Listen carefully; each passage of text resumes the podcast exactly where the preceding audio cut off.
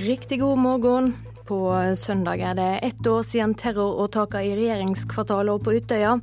Her i Nyhetsmorgen skal vi straks snakke med to av de som slapp det de hadde i hendene for å hjelpe. Men eh, først skal det handle om bompenger. For regjeringa vil åpne for at bompengeinntekter fra norske veier skal gå til jernbaneutbygging. I første omgang er det planer om å innføre ordninger mellom Trondheim og Steinkjer. Landevegsrøveri, sier Frp, som frykter dette kan bli innført flere steder. Fra Steinkjer til rød-grønne Trondheim går jernbanen og E6 side om side. Veien er allerede i for dårlig stand til å takle trafikkmengden, ifølge Statens vegvesen. I det stille har regjeringen bedt Vegdirektoratet og Jernbaneverket svare på om bompenger fra bilister også skal kunne brukes til å betale for oppgradering av jernbanen.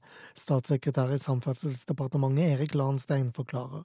Det eh, vil være noe nytt. Eh, I dag er det slik at vi bruker bompenger for å få en raskere utbygging av veinettet mange steder. Hvis man også skulle bruke bompenger til en raskere utvikling av jernbanetilbudet, så er det noe eh, nytt. Men dere skriver i notatet at dere er, mener dette er innenfor gjeldende regelverk? Ja, men vi skriver også at uh, i, i, forhold til den praksis som vi har i Norge, så har jo dette aldri uh, skjedd tidligere. Dette er jo landeveisrøveri i stort monn. Svarer Bård Hoksrud i Frp. Så langt er bompenger kun brukt til buss, trikk og jernbane lokalt, aldri til statlig jernbane. Denne bruken av bompenger rokker ved et hittil viktig prinsipp. Nei, Det betyr at uh, prinsippet om at folk skal betale for den veien de skal kjøre på, det blir kasta på søppelhaugen. Men bilistene i samferdselsministerens hjemtrakter kan tjene på å betale for tog, mener Lahnstein. Hvis eh, en bompengekrone brukt på kollektivformål eh, gjør at man samlet sett får bedre flyt i trafikken, så kan resultatet bli sånn som eh, vi ser i Oslo i dag, at bilistene får bedre fremkommelighet. Departementet legger til grunn at bompenger i bypakker kan brukes til jernbane og ber om svar innen 15. oktober. Men det er jo ikke riktig at de som kjører på veien skal betale for den andre infrastrukturen i tillegg. Det er jo helt hårreisende. Reporter Lars Nehru Sand. Folk ved Utøya i Tyrifjorden gjør seg klare til ettårsmarkeringa for terroråtaket. De var der 22.07 i fjor, men ikke alle ønsker å være der på årsdagen for åtaket. Gresset klippes ned i sommersola ved Utvika camping. Unni Odenmark steller utenfor teltet sitt. Hun ønsker å være her på søndag. Jeg vil eh, ære de som gikk bort, og ære de som er igjen. Jeg har selv eh, bekjente som mistet sine. Og det er eh, tøffe tanker som surrer i huet. Mange av de som var her i fjor, har vel litt sånn tosidige tanker rundt det. Noen ønsker ikke å minnes på det, og andre vil være her. Vi er nede ved kaia, hvor Forsvaret har bygget en stor ferge. Den skal brukes til å frakte sørgende over til brygga ved Utøya. Løytnant Torvald Sjåvik har sett sørgende foreldre i ansiktet før, da Forsvaret fraktet over de etterlatte like etter terrorangrepene. Det er ganske tøft, for vi er, vi er soldater. Vi er ute og opplever veldig mye, men da er vi på en måte ute av landet, vi er ikke hjemme. Nå er vi hjemme, og det er et eget folk som lider. Og da er det, det er ganske tøft. Det var tøft i fjor, og det blir sikkert like tøft i år, men eh, vi skal gjøre det like bra som vi gjorde i fjor. Og den. Bjørn Kasper Ilaug skrur om nøkkelen i båten sin. For han blir det en spesiell søndag. Han er en av dem som reddet liv 22.07. i fjor. Med båten sin fraktet han skadeskutte ungdommer i sikkerhet vekk fra massakren. Nå er vi eh, nord for, på Utøya. Her er det altså nordøstre hjørne. Her heter det Stoltenberget. Og så har vi Bolsjevika som kommer opp her nå til høyre. Hva husker du best fra da du var akkurat her for et år siden? Jeg ser jo for meg alle de menneskene som ligger der. Det er jo helt klinkende knart. Jeg tenker jo, jeg tenker jo på de unge menneskene, altså. Jeg klarer ikke å komme unna det. På vei mot hytta på en av naboøyene til Utøya. Her var Ilaug alene i hele høst for å jobbe seg gjennom de vonde minnene. Å redde liv har kostet, de sterke opplevelsene har gitt ham konsentrasjonsvansker og hukommelsestap. På søndag skal han vekk fra Utøya og markere dagen i Oslo. Men Ilaug har tro på at Norge kan komme seg videre et år etter tragedien. Vi blir født, og vi dør. Og det er veldig vondt å miste noen vi er glad i, og det er veldig vondt å leve videre med skader da. Og hvis man har blitt utsatt for urett og sånn, så er det jo tungt. Men vi klarer oss. Menneskene har jo vist at vi klarer oss gjennom kriser før, så dette klarer vi. Det er jeg helt overbevist om. Ja, det var så godt. Ja, det er fint. Tilbake på campingplassen leker Ilaug med hunden Tassen. Folk her vil få mange gode sommerminner også i framtida. Men før det vil Unni Odenmark og mange andre her minnes den som ble drept i tragedien like ved. Jeg har eh, planer om å heise flagg, og ellers bare sagt, være verdig til stede. Reporter Haldor Asvald. Åse Margrethe og Bjørn Juve det var på Utvika camping 22.07. i fjor, da skytinga tok til på Utøya. Bjørn, du kasta deg i båten og tok sjokkskadde ungdommer opp av vannet. Hvordan opplevde du den dagen? Det var en, eh, en svart dag fra, egentlig fra morgen til kveld. Um, med et uh, forferdelig regnvær som utgangspunkt. Så det ble, det ble mange triste, mange, mange, dramatiske opplevelser på dagen, ja. Fikk du tid til å tenke underveis, eller handla det bare på instinkt? for å si det? Nei, når vi først forsto hva som foregikk, så gikk alt på, på en måte instinkt, ja. Det var ikke noe rakk ikke å reflektere over hva som egentlig foregikk, før uh, utpå sent på kvelden og natta. Hvordan var det å stå på land Anne Margrethe, og ta imot deg som Bjørn og andre henta? Eh, det ble en omsorgsrolle. Det var eh, sterkt å høre hva de fortalte, hva, som, hva som, skjedde på Utøya. Uh, uvirkelig, akkurat som det var en film. Vi klarte ikke helt å ta det innover oss. Så, så, det vi gjorde så godt vi kunne, det blei klemmer og holde rundt og sørge for at de fikk varmen igjen i kroppen så godt det lot seg gjøre på den dagen. Hvordan var det på natta når dere fikk tid til å sette dere ned og snakke? Det ble ikke mye søvn. Det var uh, mye prating og stille sammen. Vi som uh, En del av oss som var på campingen og som gjorde, var sammen den kvelden også, uh, møttes etterpå. og det, samme reaksjon på alle. Dette var uvirkelig. Vi klarte ikke helt å skjønne det, så vi var vel mer eller mindre i sjokk, vi òg. Mm. Hva har du tenkt mest på i, i året som har gått?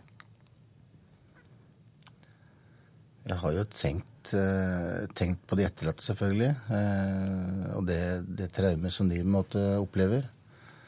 Eh, og samtidig så har vi brukt veldig mye tid på, på det selv, kan du si. Jeg har, jeg har slitt litt med, med problemer med søvn og, og, og, bilder og minner som dukker opp, ikke sant. Og da bruker du masse tid på det. Men vi har hatt veldig mye støtte i hverandre da vi har hatt samlinger en gang i uka hvor vi har på en måte diskutert og pratet oss gjennom, eh, gjennom, eh, gjennom tingene.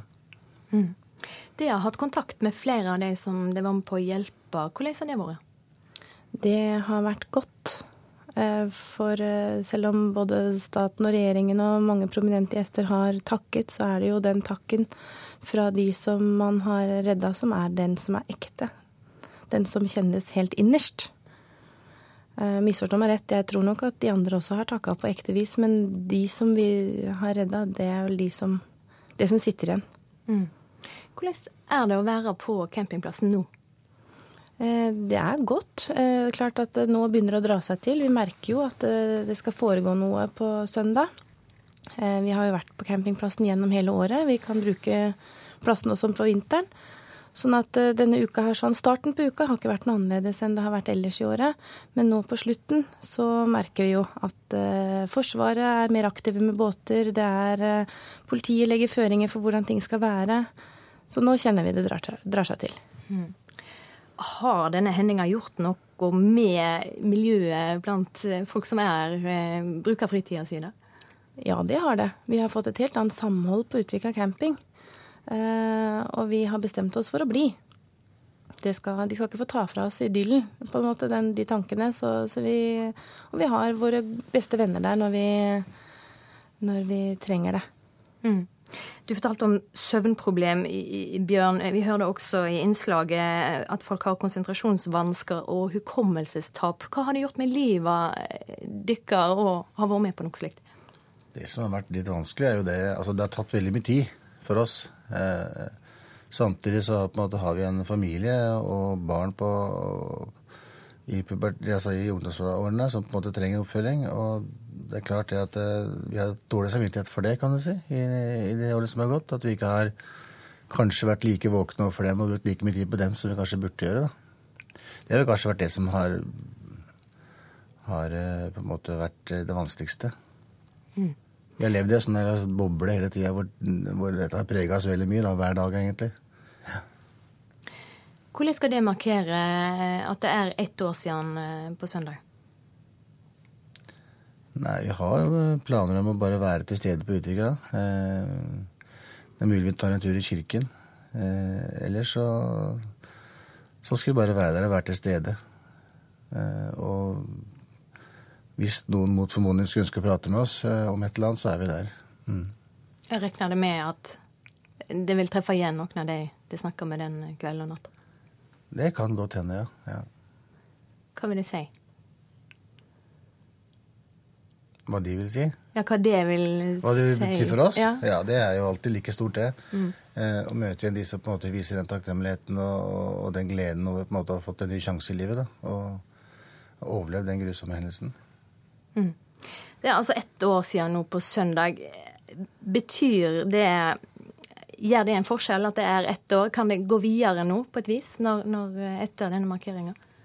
Vi må jo alltid gå videre, men det er klart vi kommer aldri til å glemme det. Det er en del som er med oss hele livet, tenker jeg. Eh, det har forandra oss også som mennesker. Eh, vi vet hvordan vi reagerer. og Hvis vi da kan bruke det til noe positivt seinere, så, så, er det jo noe godt oppi dette òg. Tusen takk skal dere ha for at dere kom i studio, også Margrethe og Bjørn Juve. Og eh, søndag er det altså ett år siden 22. juli. Da skal både etterlatte og AUF besøke Utøya. Det blir minnegudstjenester i Hole kirke på Ringerike og i Oslo domkirke, i tillegg til kransenedlegginger i regjeringskvartalet og på Utøya. På kvelden blir det nasjonal minnekonsert på Rådhusplassen i Oslo. Og også i kirker rundt om i landet blir det lokale minnemarkeringer. Du hører på Nyhetsmorgen. Hovedsaker i nyhetene nå når klokka er 7.15. Regjeringa vil at bilistene skal betale for jernbaneutbygging. Det er snart ett år siden terroren råka Norge. Ikke alle orker å delta på markeringa. Og stortingspresident Dag Terje Andersen frykter at økt tryggingstiltak skal føre til større avstand mellom politikere og velgere. Syria nå, for der har opprørssoldatene tatt kontroll over flere grenseoverganger, medan kampene inne i hovedstaden Damaskus holder fram. Midtøsten-korrespondent Sigurd Falkenberg Mikkelsen, du er en av svært få vestlige journalister som er igjen i den syriske hovedstaden. Hvordan er situasjonen i Damaskus eh, nå? Den er eh, meget eh, vanskelig for sivilbefolkningen, særlig i de områdene hvor det er hardest kamper. Eh, der har jeg sett eh, i de dagene som har gått nå, folk som eh, flykter gatelangs med familien og alt de kan få med seg for å komme seg unna. Men man merker også at for resten av byen så, så begynner det å bli svært vanskelig. Det er nå lange brødkøer. Det er vanskelig for, etter hvert å få tak i bensin. Sånn at dette er en by som har vært eh, spart for den verste volden fram til nå, eh, men nå har også krigen nådd Damaskus. Hvordan reagerer regimet på at opprørsstyrkene nå har tatt kontroll over flere grenseoverganger?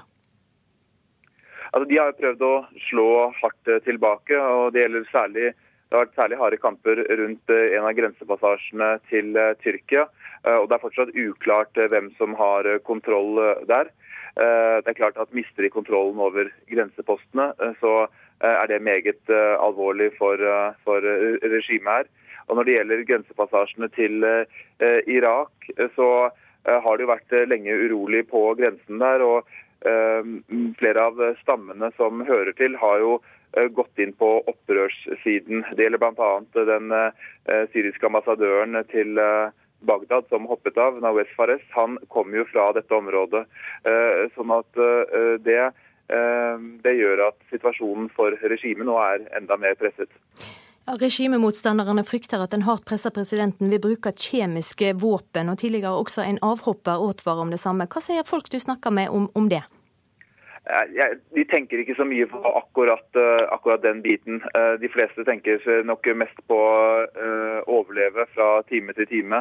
Og men det er klart at det spørsmålet om kjemiske våpen det, det ligger i, i, i, bakgrunnen her hele tiden. og eh, Ikke bare for folk som bor her, men også for alle landene eh, eh rundt. Jeg tenker da i særlig grad på Israel, som har uttrykket eh, bekymring. Eh, spørsmålet er altså hvordan eh, disse forskjellige gruppene som nå opererer her inne, hva de kommer, kommer til å, å, å, gjøre hvis de skulle få hendene hvis de skulle komme i nærheten av dette. Eh, sånn at Dette er definitivt et av de viktige spørsmålene eh, framover eh, her i Syria. Takk skal du ha for at du var med, Sigurd Falkenberg Mikkelsen fra Damaskus. Spania nå. Den økonomiske krisa der går på livet løs for mange spanjoler. I går protesterte hundretusenvis i gatene for å si nei til nedskjæringer. Fernando Manso er lærer og småbarnsfar. Han har ikke lenger penger nok til å gi ungene mat. Hace más de un mes que no puedo comprar carne. ¿Por qué? Porque no me llega a fin de mes. De har ikke spist kjøtt på over en måned. Pengene strekker ikke til, sier Fernando Manso. Han står midt i larmen fra fløyter og vuvuzelaer blant tusenvis av demonstranter i sentrum av Madrid. Pen i tøyet, skjegg og briller. I 15 år har han jobbet som lærer på yrkesvideregående. Men nå er det knapt penger til det mest elementære på skolen hans. Eh, no No, no. Vi har ikke råd til oppvarming, vi har ikke engang råd til tusjpenner. Det siste året har de kuttet ti stillinger på skolen min, forteller Fernando. Og særlig bedre er det heller ikke på hjemmebane. Lønna mi er kuttet tre ganger på to år. Jeg er den eneste som jobber i familien, og vi har tre barn. Jeg har nesten ikke råd til å gi ungene mine mat. Nå spiser vi bare grønnsaker, sier Fernando.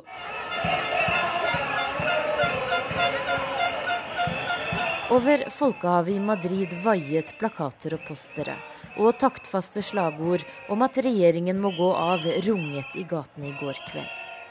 Statsminister Mariano Rajoy har svingt sparekniven så dypt over offentlig sektor at fagforeninger anklager ham for å kjøre landet i grøfta. Nye kutt i lønninger, kutt i antall stillinger, økte skatter og økt moms har fått spanjolene til å ta til gatene.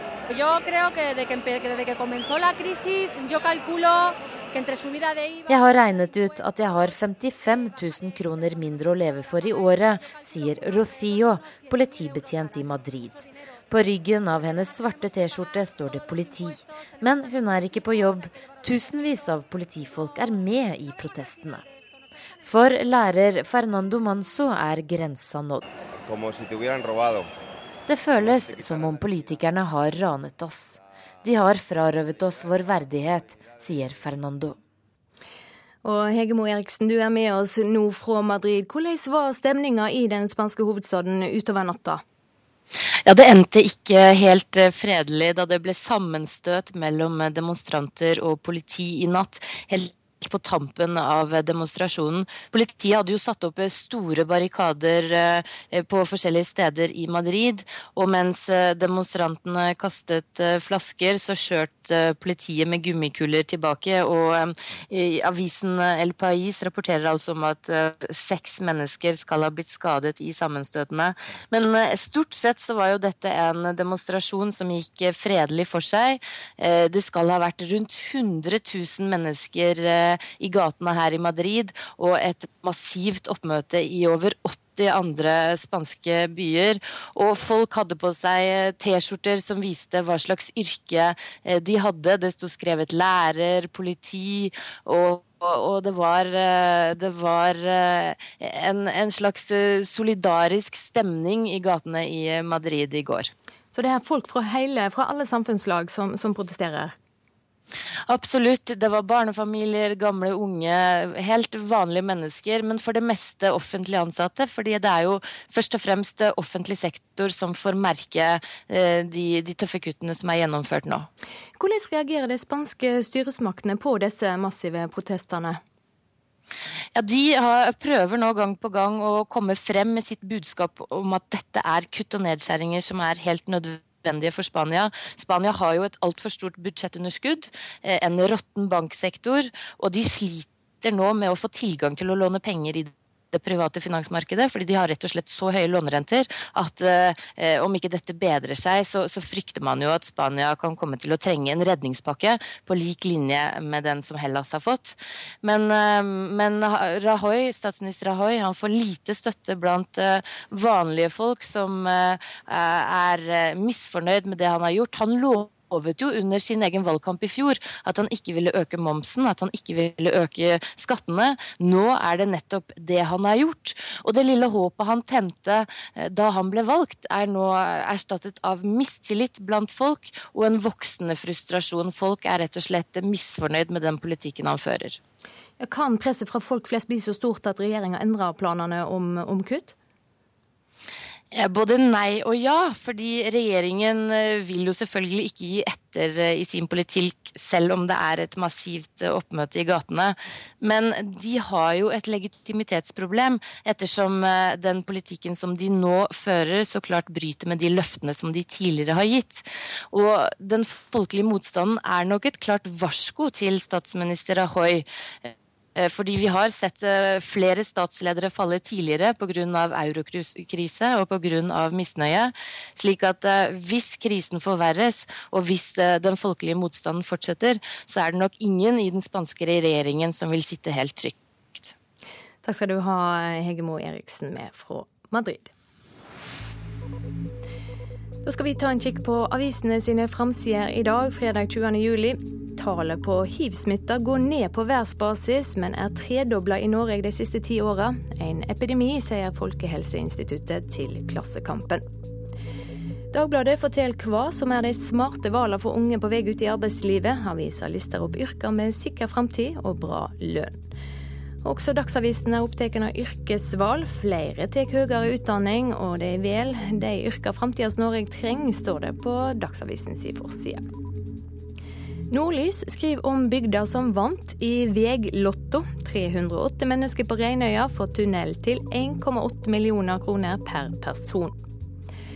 Politiet har fått 3,3 milliarder kroner mer, men det er blitt færre politifolk, kan Aftenposten fortelle i dag. Pengene er brukte på flere sivilt ansatte, høyere lønn, vakttillegg og ulike investeringer. Et år etter 22.07 er politiet fremdeles for dårlig budd på terror, skriver Adresseavisen. Sør-Trøndelag har ikke så mange spesialtrente politifolk som det er krav om. Dagens Næringsliv skriver om lederen i firmaet Touchpay, som leier ut kortterminaler til butikker over hele landet. Den tidligere straffedømte 32-åringen er på nytt tjuveri tiltalt.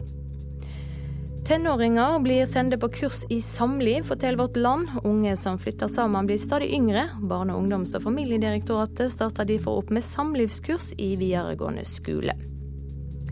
Nasjonen skriver at storbønder kan levere mer mjølk. Nå vil de stoppe Tine sin varsla import av smør. Rekordmange studenter i Bergen gjev dyrere huslegepriser, skriver BA, men det går an å være heldig. Avisa forteller om Tobias som har gjort et hybelkupp. Samhold, toleranse, demokrati og kjærleik. Morgenbladet spør om hva som skjer når de fine ordene møter røyndommen. Og VG har snakka med artisten Little Steven om 22.07. Det var som et åtak på familien min, sier han. I dag starter den hellige fastemåneden for muslimer. Ramadan varer i 30 dager, og kalendere for barn er noe som er i ferd med å bli mer populært i muslimske familier. Hos familien Sahid i Lommedal i Bærum har de funnet fram kalenderen, og sju år gamle Mikael og storebror Yusuf på ni går gjennom, og, går gjennom kalenderen og forsøker å svare på spørsmåla i lukene. Hva skal man alltid huske på å si når man møter en annen muslim? Og det vet jeg. Hva da? Aslamu alaikum. Det betyr uh, hei.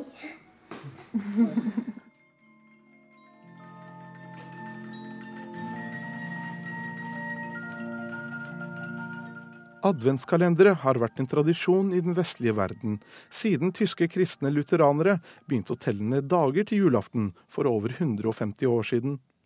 Og familiefaren Wasim Zahid sier at de ble inspirert av førjulstiden, og laget en kalender først og fremst for at barna skulle få større glede rundt sin egen høytid. Og jeg tror nok eh, barna våre, som på en måte ikke er del av det på samme måte som andre norske barn, kjente nok på at eh, deres høytid kanskje ikke var like spennende. Derfor så hadde vi eh, lyst til å gjøre det litt morsomt for dem også, og selvfølgelig inspirert av eh, førjulstiden her i Norge. Generalsekretæren i Islamsk råd, Metab Afsar, sier at han har opplevd at muslimer tar i bruk kalendere for barn og er positiv til denne utviklingen. Det er jo ikke i strid med islam å ha en kalender hjemme hvor barn da åpner en luke hver dag eh, etter fasten eller før eh, fasten. Og eh, jeg syns vi trenger slike ting for å bli inspirert, og faktisk inspirere våre kommende generasjoner. Den hjemmelagde kalenderen har de siste årene bestått av spørsmål om islam i lukene. Og mor i huset, Iram Zahid, sier at barna gleder seg hvert år til ramadan. Jeg tror de setter pris på eh, både kalenderen og andre tradisjoner som vi prøver å skape. Da. Da det er noe de ser fram til eh, hele året. Reporter her, Fouad Asharki. Ida Creed står klar på andre sida av bordet for meg for å gi oss siste nytt i Dagsnytt snart. Men etter det skal vi annet høre at gode priser på gjødsel fører til bygging av nye fabrikker. Men Yara i Porsgrunn frykter ikke konkurransen. Vi skal også en tur til fjells, der gamle tradisjoner holder stand. Ansvarlig for eh, sendingene i dag, Arild Svalbjørg. Produsent Elin Pettersen. Og teknisk ansvarlig Frode Thorshaug.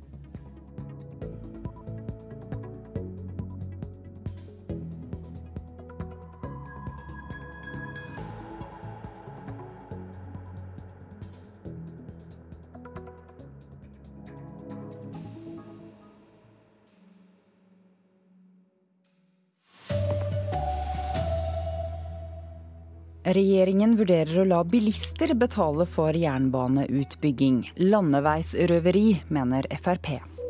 Den økte sikkerheten rundt politikere etter 22.07 skader demokratiet, mener stortingspresidenten. Og folk ved Utøya gjør seg klare til ettårsmarkeringen for terrorangrepene. Her er NRK Dagsnytt, klokken er 7.30. Regjeringen vurderer å åpne for at bompengeinntekter fra norske veier skal gå til jernbaneutbygging. Det er landeveisrøveri, mener eh, Fremskrittspartiet, som frykter at bilistene må betale også flere andre steder i landet. Dette har aldri vært gjort tidligere, men regjeringen er åpne for dette mellom Trondheim og Steinkjer. I forhold til den praksis som vi har i Norge, så har jo dette aldri eh, skjedd eh, tidligere. Så vi mener at det er grunn til å få alle argumenter på bordet sier statssekretær i Samferdselsdepartementet Erik Lahnstein. Regjeringen har ikke bestemt seg, men departementet legger til grunn at bompenger i bypakker kan brukes til jernbane. Dette er jo landeveisrøveri i stort monn. Svarer Bård Hoksrud i Frp. Så langt er bompenger kun brukt til buss, trikk og jernbane lokalt, aldri til statlig jernbane. Denne bruken av bompenger rokker ved et hittil viktig prinsipp. Nei, Det betyr at uh, prinsippet om at folk skal betale for den veien de skal kjøre på, det blir kasta på søppelhaugen.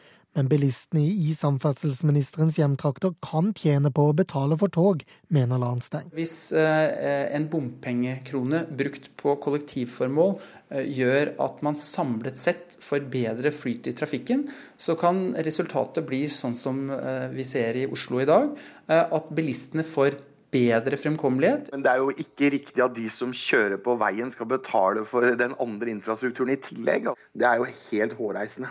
Reporter her var Lars Nehru Sand. At politikerne sentralt kan åpne for at trønderne skal betale bompenger for å finansiere den statlige toglinjen, ja det liker trønderne dårlig. Samferdselskomiteen i Sør-Trøndelag tviler på at det kommer til å skje. Med det bompengegrunnlaget så er det jo ikke så veldig stor sjanse kanskje for at det skjer på denne strekninga. Det sier leder for samferdselskomiteen i Sør-Trøndelag, Karin Bjørkhaug. Hun sier at man har konkludert med at bompengegrunnlaget er for lavt, noe som igjen gjør det vanskelig å gjennomføre lokalt. Selv er hun positiv til å gjøre det, men sjansen den er liten. Hvis vi ser at vi får en positiv effekt på kollektivtrafikken og får redusert biltrafikken, så, så syns jeg at det vil være positivt. Er det en som mener at trønderne er klar for å spytte i mer penger i samferdsel, er det fylkesråd Terje Søvik i Nord-Trøndelag. Jeg tror eh, samla sett så ser folk nøtten nytten og verdien av å få utbedra eh, samferdsel og, og transportårene. Jeg vil tro det at befolkninga ser verdien av og styrken i det å knytte regionen tettere sammen. Men hva mener bilistene selv, er de villige til å ta regninga? Nei, jeg ser ikke noe vits i det, så lenge det er til staten som egentlig skal finansiere. Det er nok avgifter i landet her. Så du vil ikke ha noe flere? Nei, det er nok. Reporter Erik Våtland. I går ble det klart at romfolket i den mye omtalte leiren på Årvoll i Oslo må flytte, etter sterkt press fra naboer og kommunen. Og reporter Martin Holvik, har noen begynt å flytte? Det er ingen store tegn til at romfolket har begynt å flytte helt ennå. Her oppe på Årvoll så er det stille og rolig. Oppslåtte telt og provisoriske bosteder de står her ennå. Så har det kjørt eh, tre biler ut av leiren, men akkurat hvor de er på vei, eller om de flytter, det er litt vanskelig å si. Det er jo tidlig ennå, men hvor reiser romfolket videre nå? Altså, Romfolket har eh, bodd under broer og i parker forskjellige steder i hovedstaden. og Det var jo der de oppholdt seg før eh, de ble, kom opp hit til Årvoll. Og um, Det er jo kanskje mulig at det er en uh, tilbake dit de skal, men, men, det blir vanskelig å si. Det er i hvert fall ikke noen nye løsninger eller noen nye leirer som vi vet om uh, på dette tidspunktet. Takk til deg, reporter Martin Holvik fra den mye omtalte romfolkleiren på Årvoll i Oslo. Stortingspresident Dag Terje Andersen eh, frykter at økte sikkerhetstiltak skal føre til større avstand mellom politikere og velgere. Hver gang det er nødvendig å øke sikkerheten, er det et nederlag for den åpne og frie samtalen vi har vært vant til eh, i Norge, sier eh, stortingspresidenten foran markeringen av 22.07. Hvis sikkerhet fører til større avstand til, til dem som har valgt politikerne, så taper demokratiet. Bomben og skuddene som forandret Norge. Etter 22.07 er sikkerheten økt, flere har fått livvakter, det settes opp sperringer, og enkelte politikere får i mindre grad ferdes fritt omkring. Så hver gang det er nødvendig å sette inn sånne tiltak, så er det egentlig et nederlag for den åpne, frie, gode eh, samtala vi har i, i Norge. Dag Terje Andersen sier at politiet må vurdere hvilke tiltak som til enhver tid er nødvendige, og at vi ikke må være naive. Han mener likevel vi må forsøke å bevare den åpenheten som har vært en kvalitet ved det norske samfunnet. Men jeg syns vi skal være bevisst på at uh, å fjerne kontakten mellom f.eks. politisk valgte og uh, dem som har valgt dem, uh, det bidrar ikke til mer demokrati. Tvert imot så syns jeg det er en kvalitet ved samfunnet vårt at en kan treffe sine tillitsvalgte på gata og si hva en mener. Eh, treffe dem på butikken om lørdagen eh, og få tatt opp ting. Uten mye livvakter og den eh, type ting som skaper distanse. Så jeg håper vi unngår det for framtida, men samtidig så må vi sette inn de sikkerhetstiltakene som fagmyndighetene mener er nødvendig. Og hele intervjuet med stortingspresident Dag Terje Andersen kan du høre i Nyhetsmorgen kvart på åtte. Reporter var Per Arne Bjerke. Og folk ved Utøya i Tyrifjorden eh, gjør seg klare til ettårsmarkeringen for terrorangrepene. De var der 22.07 i fjor, men det er delte meninger blant folk om de også ønsker å være der eh, på årsdagen for angrepene. Gresset klippes ned i sommersola ved Utvika camping. Unni Odenmark steller utenfor teltet sitt. Hun ønsker å være her på søndag. Jeg vil eh, ære de som gikk bort, og ære de som er igjen. Jeg har selv eh, bekjente som mistet sine, og det er eh, tøffe tanker som surrer ut i huet. Mange av de som var her i fjor, har vel litt sånn tosidige tanker rundt det. Noen ønsker ikke å minnes på det, og andre vil være her.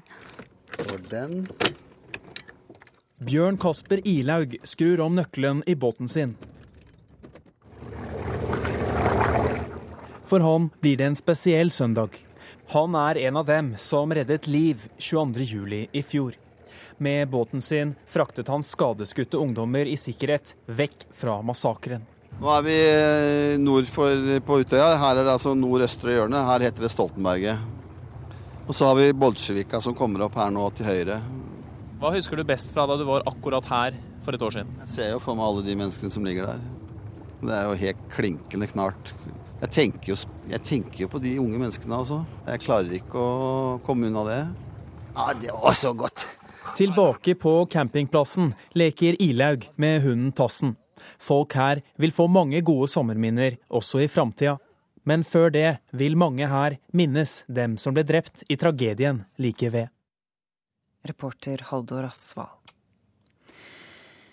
I Syria har eh, opprørssoldatene tatt kontroll over flere grenseoverganger, mens kampene inne i hovedstaden Damaskus fortsetter. NRKs Midtøsten-korrespondent er en av få utenlandske journalister som er igjen i Syria. Han sier situasjonen er veldig vanskelig for sivilbefolkningen nå. Særlig i de områdene hvor det er hardest eh, kamper. Eh, der har jeg sett i de dagene som har gått nå, folk som flykter gatelangs med familien og alt de kan eh, få med seg for å komme seg unna. Men man merker også eh, at eh, for resten av byen så, så begynner det å bli svært vanskelig. Det er nå lange brødkøer. Det er vanskelig for, etter hvert å få tak i bensin. Sånn at dette er en by som har vært spart for den verste volden fram til nå. Men nå har også krigen nådd Damaskus. Som vår Midtøsten-korrespondent Sigurd Falkenberg Mikkelsen. Sport nå. Tre norske lag spilte kvalifisering til Europaligaen i fotball i går. Ålesund møtte Tirana i Albania, der publikum hetset de fargede spillerne, forteller trener Kjetil Rekdal. Nei, Vi blir jo mest skuffa, selvfølgelig. Det er jo sjokkerende når du opplever sånne ting. Og kampen bør jo få et etterspill, enten fra Uefa eller Ålesund? Nå er det jo kampinspektører og Fifa-folk der som helt sikkert kommer til å innrapportere det. Nå vi var, vi var sjokkerte hele, hele, gjengen, det var vi. Men rent sportslig er Rekdal fornøyd. Han fikk det viktige bortemålet. Ja, vi gjør en, en solid kamp. Tromsø spilte målløst i Lubliana, mens Rosenborg gikk av banen på Lerkendal med 2-2 og har en vrien bortekamp i Kasakhstan. Sa reporter Ole Jakob Jorseth. Ansvarlig for denne sendingen var Arild Svalbjørg, Frode Thorshaug og Ida Creed.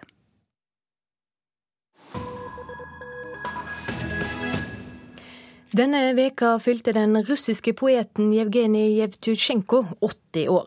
Han var en epokebærer for åndsfridom i Sovjetunionen etter andre verdenskrig. Med diktet sitt 'Stalins arvinger', som var trykt i Pravda for 50 år siden, advarer Jevtusjenko mot at det totalitære spøkelset kunne gjenoppstå i samfunnet. Og det skjedde i 1968 med invasjonen i Tsjekkoslovakia og alle dissidentprosessene. Vi skal høre Jevtusjenko som leser sitt eget dikt 'Borgere, lytt til meg'.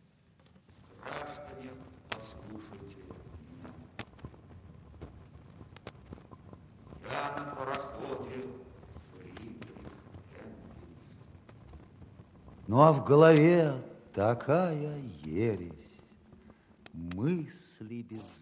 Lytt til meg, for jeg er på Friedrich Engels fartøy. i hodet mitt har jeg et slikt syn, startet Jevgenij Jevtusjenko sitt dikt med, og sovjetborgerne lyttet.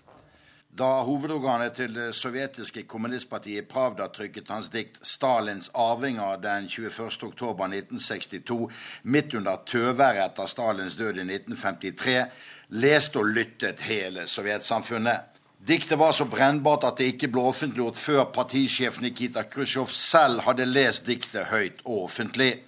For Jevgenij Jevtusjenko advarte mot at Stalins ånd og den totalitære tenkning med angiverier og fangeleirer kunne gå igjen i det sovjetiske samfunnet.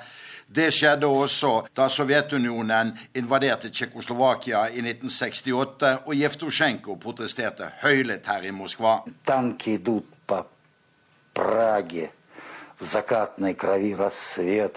Tenk seg på veien i Praha de trampa dagslyset ned om morgenen, lød hans protestdikt, som fikk selveste KGB-sjef Jurij Andropov til å kalle diktet uansvarlig i all offentlighet. Men Jevgenij Jevtusjenko var for berømt til å bli sperret inne. I dag bor den fargerike poeten i Oklahoma i USA. Mannen som er kjent som poesiens playboy i sovjetlitteraturen, sa denne uken til russisk fjernsyn at han alltid har båret fargesprakende hawaiiskjorter fordi han vokste opp ved en fangeleir der alle fangene gikk i sort vadmel. På 60-tallet fjetret Jevtusjenko publikum med sine litterære aftener i friluft her i Moskva.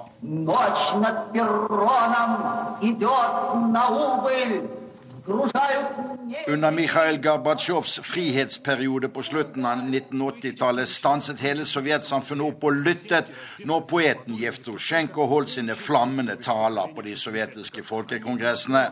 I 1994 var Jevtusjenko i Oslo da hans roman 'Ikke dø før tiden' kom på norsk. Da sa Jevtusjenko til NRK at de nye pengene i Russland er en verre sensor enn kulturavdelingen i den gamle kommunistiske sentralkomiteen. I dag sier Jevgenij Jevtusjenko at 70% av hans 75 dikt er dårlige, men hans litterære perle heter 'Bestefar' og er en kort novelle der Jevtusjenko beretter om hvordan bestefaren kom inn og kysset sitt lille barnebarn farvel, før det hemmelige politiet kom og arresterte ham, og siden drepte bestefaren.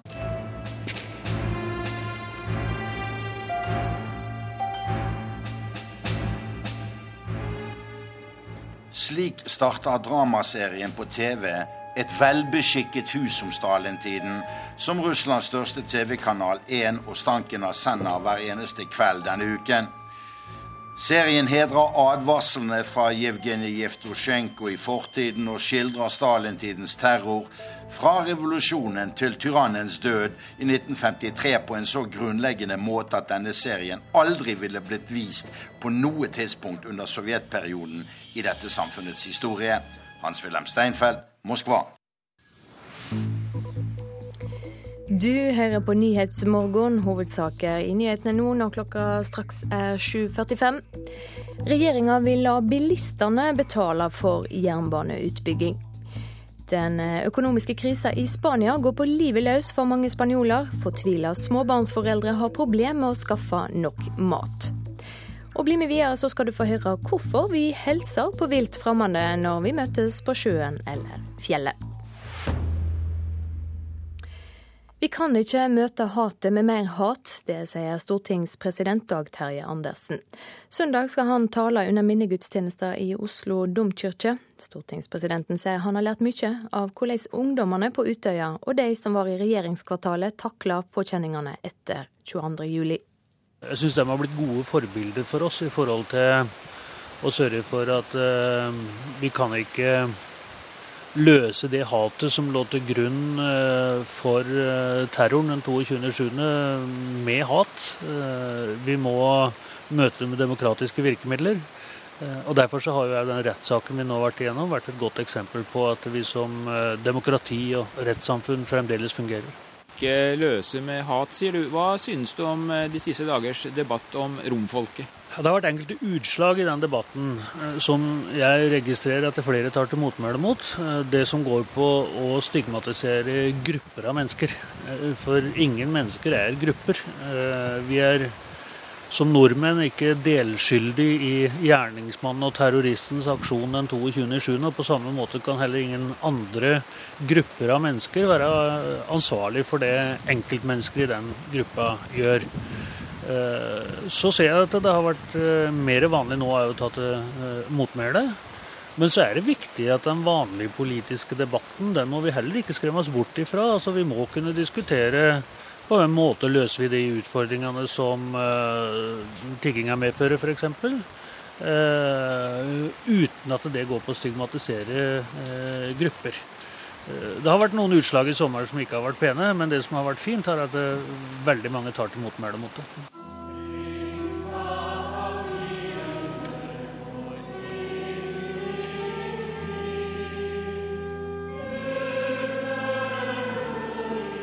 Oslo domkirke for ett år siden.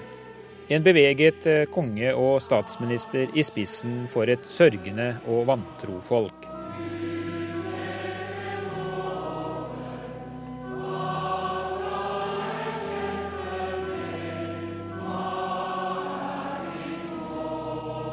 Søndag samles etterlatte og det offisielle Norge på nytt i domkirken. På dagen ett år etter den verste udåden i landet i fredstid.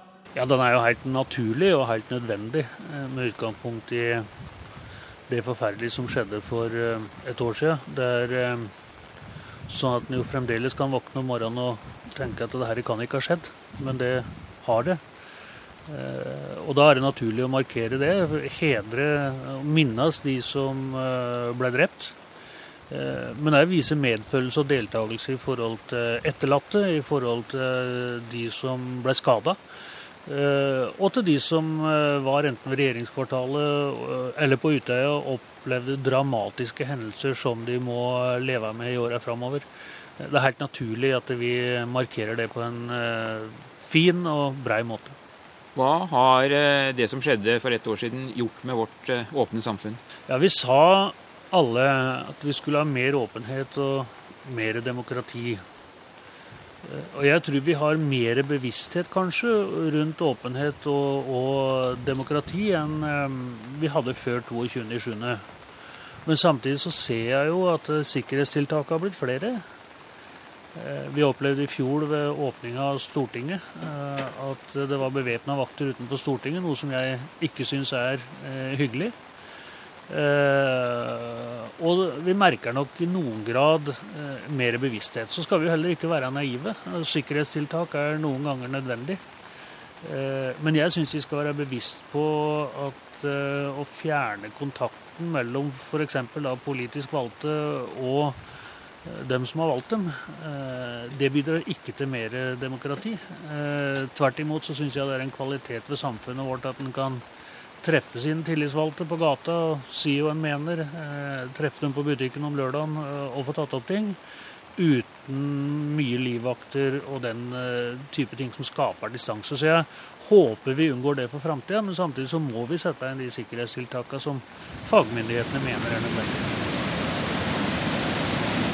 Nå sitter vi her ved Numedalslågen i et eh, sommerstille Lardal, og det er ikke mange som eh, passer på deg? Nei, eh, heldigvis så har jeg hele tida kunnet leve et helt normalt liv når ikke jeg er i eh, funksjon, og heller ikke da så har jeg eh, livvakter. Og det må jeg si at eh, jeg har kanskje ikke tenkt så mye på tidligere, for sånn har det vært i Norge. men nå tenker jeg kanskje oftere på å sette pris på at det er sånn. At en kan gå fritt eh, rundt som eh, alle andre. Det skulle bare mangle om en ikke skulle kunne gjøre det. I hvilken grad eh, frykter du som stortingspresident at det skal bli for mye sikkerhet og for vanskelig for vanlige folk å følge det arbeidet som pågår i Stortinget? Nei, Vi må ha nok sikkerhet, og det er det fagmyndigheter som vurderer. Men samtidig syns jeg vi skal være veldig bevisst på at hvis sikkerhet fører til større avstand til, til dem som har valgt politikerne, så taper demokratiet nå. Så hver gang det er nødvendig å sette inn sånne tiltak, så er det egentlig et nederlag for den åpne, frie, gode samtaler vi har i, i, Norge ved å møte dem en har valgt eh, på de stedene som de bor og, og, og lever sitt eh, vanlige liv. Jeg håper vi fortsatt skal kunne være spesielle internasjonalt sett i Norge ved å ta vare på, ta vare på det. Det var Per Arne Bjerke som hadde intervjua stortingspresident Dag Terje Andersen hjemme i Lardal i Vestfold. Nasjonalforsamlinga i Frankrike har vedtatt å kutte lønna til president Francois Hollande og alle ministrene med 30% Lønnskutta kommer som en del av regjeringa sin spareplan, og er i tråd med et framlegg fra presidenten sjøl. Den nye månedslønna til Hollande og statsminister Jean-Marc Ayrault er på 111 000 kroner. Yara sine gjødselsfabrikker på Herøya er en pengemaskin for tida. Gode priser på produkter førte til at resultatet til hele det verdensomspennende gjødselselskapet økte fra vel 3,5 milliarder kroner i andre kvartal i fjor til over 5 milliarder i andre kvartal i år. Fabrikkene i Porsgrunn er en viktig bidragsyter til det gode resultatet, det sier fabrikksjef Per Knutsen. Vi kjører anleggene så hardt vi bare kan. Det som er spesielt gledelig nå, er at vi også kjører ammoniakkfabrikken på full fart. Det er jo slett ikke alltid. Så det er, det er vi veldig glad for. Vi har også bedt en nøytral analytiker, Håkon Fure i DNB, si noe om hvorfor Yara gjør det bra. Helt enkelt så er det jo de, de vanlige markedsmekanismene som fungerer. Altså Over de siste fem-seks årene så har det blitt investert i lite ny kapasitet i gjødselindustrien. Samtidig som uh, kornprisen har steget kraftig og drevet en kraftig etterspørsel. Så det er rett og slett mangel på nitrogengjødsel i verden som har drevet prisen opp. Fure sier at de gode prisene fører til at det blir bygget flere gjødselfabrikker i verden i åra framover. Og det kan føre til fallende priser. Yara skal investere 300 millioner kroner på Herøya for å øke produksjonsvolumet. Og vil ikke dere også bidra til at prisene kan falle igjen, Per Knutsen? Nei, volumene, Ekstravolumene herfra kommer ikke til å påvirke verdensmarkedet noe særlig. Men det er klart at på en fire-fem års sikt så kommer det nok til å komme mer gjødselanlegg, og prisene kommer til å komme ned. Det er nettopp derfor vi må ligge i et eget sjikt på et eget kvalitetsnivå, som gjør at vi er litt utenfor den alminnelige konkurransen. Er det fabrikksjef ved Yara Porsgrunn, Per Knutsen, og analytiker Håkon Fure i DNB til reporter Tom Andersen. Og helsa på fremmede på gata er det nesten ingen som gjør. Men med en gang vi kommer vekk fra asfalten og lyskrysset, drar ut i skogen eller til fjells, blir det å helse på andre helt normalt. Vår reporter har prøvd å finne ut av fenomenet. Du har kanskje opplevd det. Ute på tur møter du en helt fremmed person, og du hilser på han uten å tenke over det. Hei, hei. Ja, unnskyld. Ja. Du, Kan jeg bare spørre deg hvorfor du uh, hilste på meg nå? Nei, det vet jeg ikke. Hils på alle når jeg kommer på fjellet. For det er et fenomen. Ut på tur, aldri sur er det noe som heter, og kanskje er det noe i nettopp det. Om du treffer på friluftsmennesket Sigrid Henjum i naturen, så hilser den sprudlende jenta fra TV-serien Fjellfolk garantert tilbake. Det gjør jeg. Sier i hvert fall eh, hei, og eh, noen ganger så er jeg så rett fram at jeg spør hvor de kommer fra, eller hvor de skal hen. Og, og folk er jo blide når de er på tur. Så det er jo kjekt å prate med folk når de er på tur.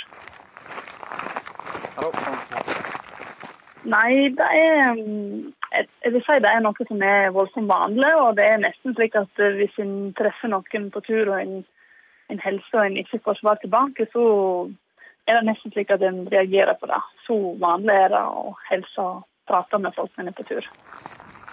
Kan jeg bare spørre hvorfor du eh, hilste på meg? Det er vanlig folkeskikk, mener jeg. Ei som kanskje har svar på hvorfor det er slik, er Anne Katrine Nordby. Hun er sosialantropolog på Universitetet i Oslo.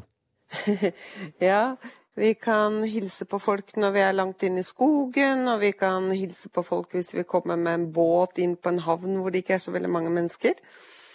Så jeg tror det har å gjøre med natur, en forestilling om natur, og om tilhørighet og en slags identitet. Så vi identifiserer oss altså med de som har valgt det samme som oss, om det er en fjelltur, båtliv eller det å lufte hunden. Og da skjer nesten alt på autopilot. Det er blitt en del av kulturen. Av det er sånn det skal være når man går i fjellet. Da skal man hilse. Vi tenker ikke på det det vi kaller det, at det er blitt et doksisk fenomen. Det betyr at det er, eh, det er blitt en vane. Vi vurderer ikke om vi skal si hei eller ikke når vi ser noen komme mot oss. Det bare skjer. Hei, hei. Kan jeg bare spørre deg hvorfor du hilste på meg nå? Alle hilser på hverandre på fjellet. Det er bare sånn det er, det. Hvis jeg hadde gått forbi meg nede i eh, sentrum, da? Da hadde du ikke gjort det. For med en gang du nærmer deg asfalt og lyskryss, blir det å hilse på fremmede ganske fjernt. Det måtte selvsagt prøves i Førde sentrum. Hei. Hallo. Nei, det var for at du hilste, og så det var ikke noe mer. Pleier du å hilse på til folk på gata? Nei. Hei. Hei. Hvis ikke jeg hadde sagt hei, hadde du helst da? Nei, da det bare gått. Nei, da blir du jo, da blir du jo sett på som litt smårar. Så det det er, klart du kan gjøre det, men da vil vel du få ganske rare blikk og rare reaksjoner på det. og Folk vil bare antagelig gå videre og riste på hodet av det. Solbjørg Kvålshaugen er bestyrer på turisthytta på Fondsbu, og var også med i serien Fjellfolk. På gata hilser hun sjeldent, og forventer det heller ikke tilbake. Men om du ikke hilser tilbake om du treffer henne i fjellet, da begynner tankene å gå. Du, da, da, lurer jeg fælt, for da tenker jeg det er annet med meg, eller er det, hva er det som er grunnen til at eh, den personen ikke vil hilse på meg? Da, da, begynner jeg å tenke, da lurer jeg. Kan du bare spørre hvorfor du hilste til meg nå? Det må jeg nesten gjøre. Men Hvis jeg hadde gått forbi deg nede i sentrum og ikke hilst, hadde du hilst på meg da? Nei, jeg hadde nok bare gått forbi. Det var reporter Sondre Dalaker som tok sjansen på å hilse på folk eh, på gata. Nå skal vi ha et værvarsel fra Meteorologisk institutt. Fjellet i Sør-Norge enkelte regnbyger, i kveld til dels fint vær. Østlandet og Telemark skiftende skydekke og enkelte regnbyger, i kveld til dels fint vær. Agder får nordvestlig frisk bris på kysten vest for Lindesnes. Liten kuling fra i ettermiddag, til dels fint vær. Rogaland nordvest liten kuling på kysten, stiv kuling i nord. Noe skyer først på dagen, ellers til dels fint vær. Hordaland og Sogn og Fjordane nordlig stiv kuling på kysten, i kveld litt minkende. Til dels fint vær, men lokale regnbyger i indre strøk. Møre og Romsdal får enkelte regnbyger, fra i ettermiddag stort sett fint på Sunnmøre. Trøndelag lokale regnbyger, litt sol. I ettermiddag byger i ytre strøk. Helgeland og Saltfjellet får enkelte regnbyger.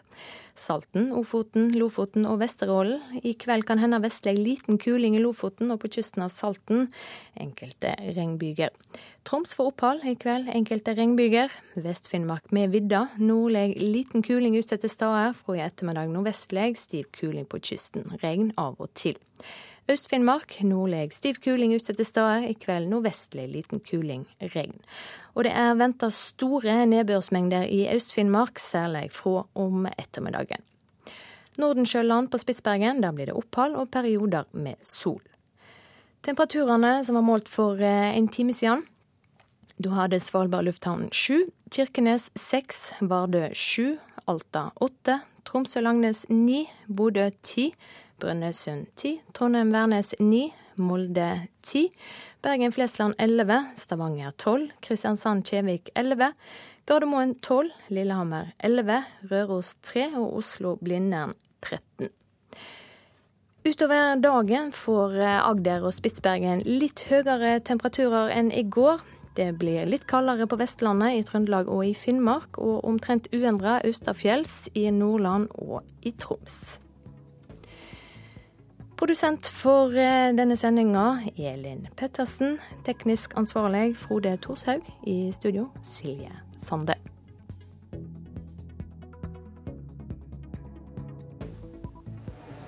NRK P2 er på de beste musikkfestivalene og gir deg konsertene og opplevelsene der du er.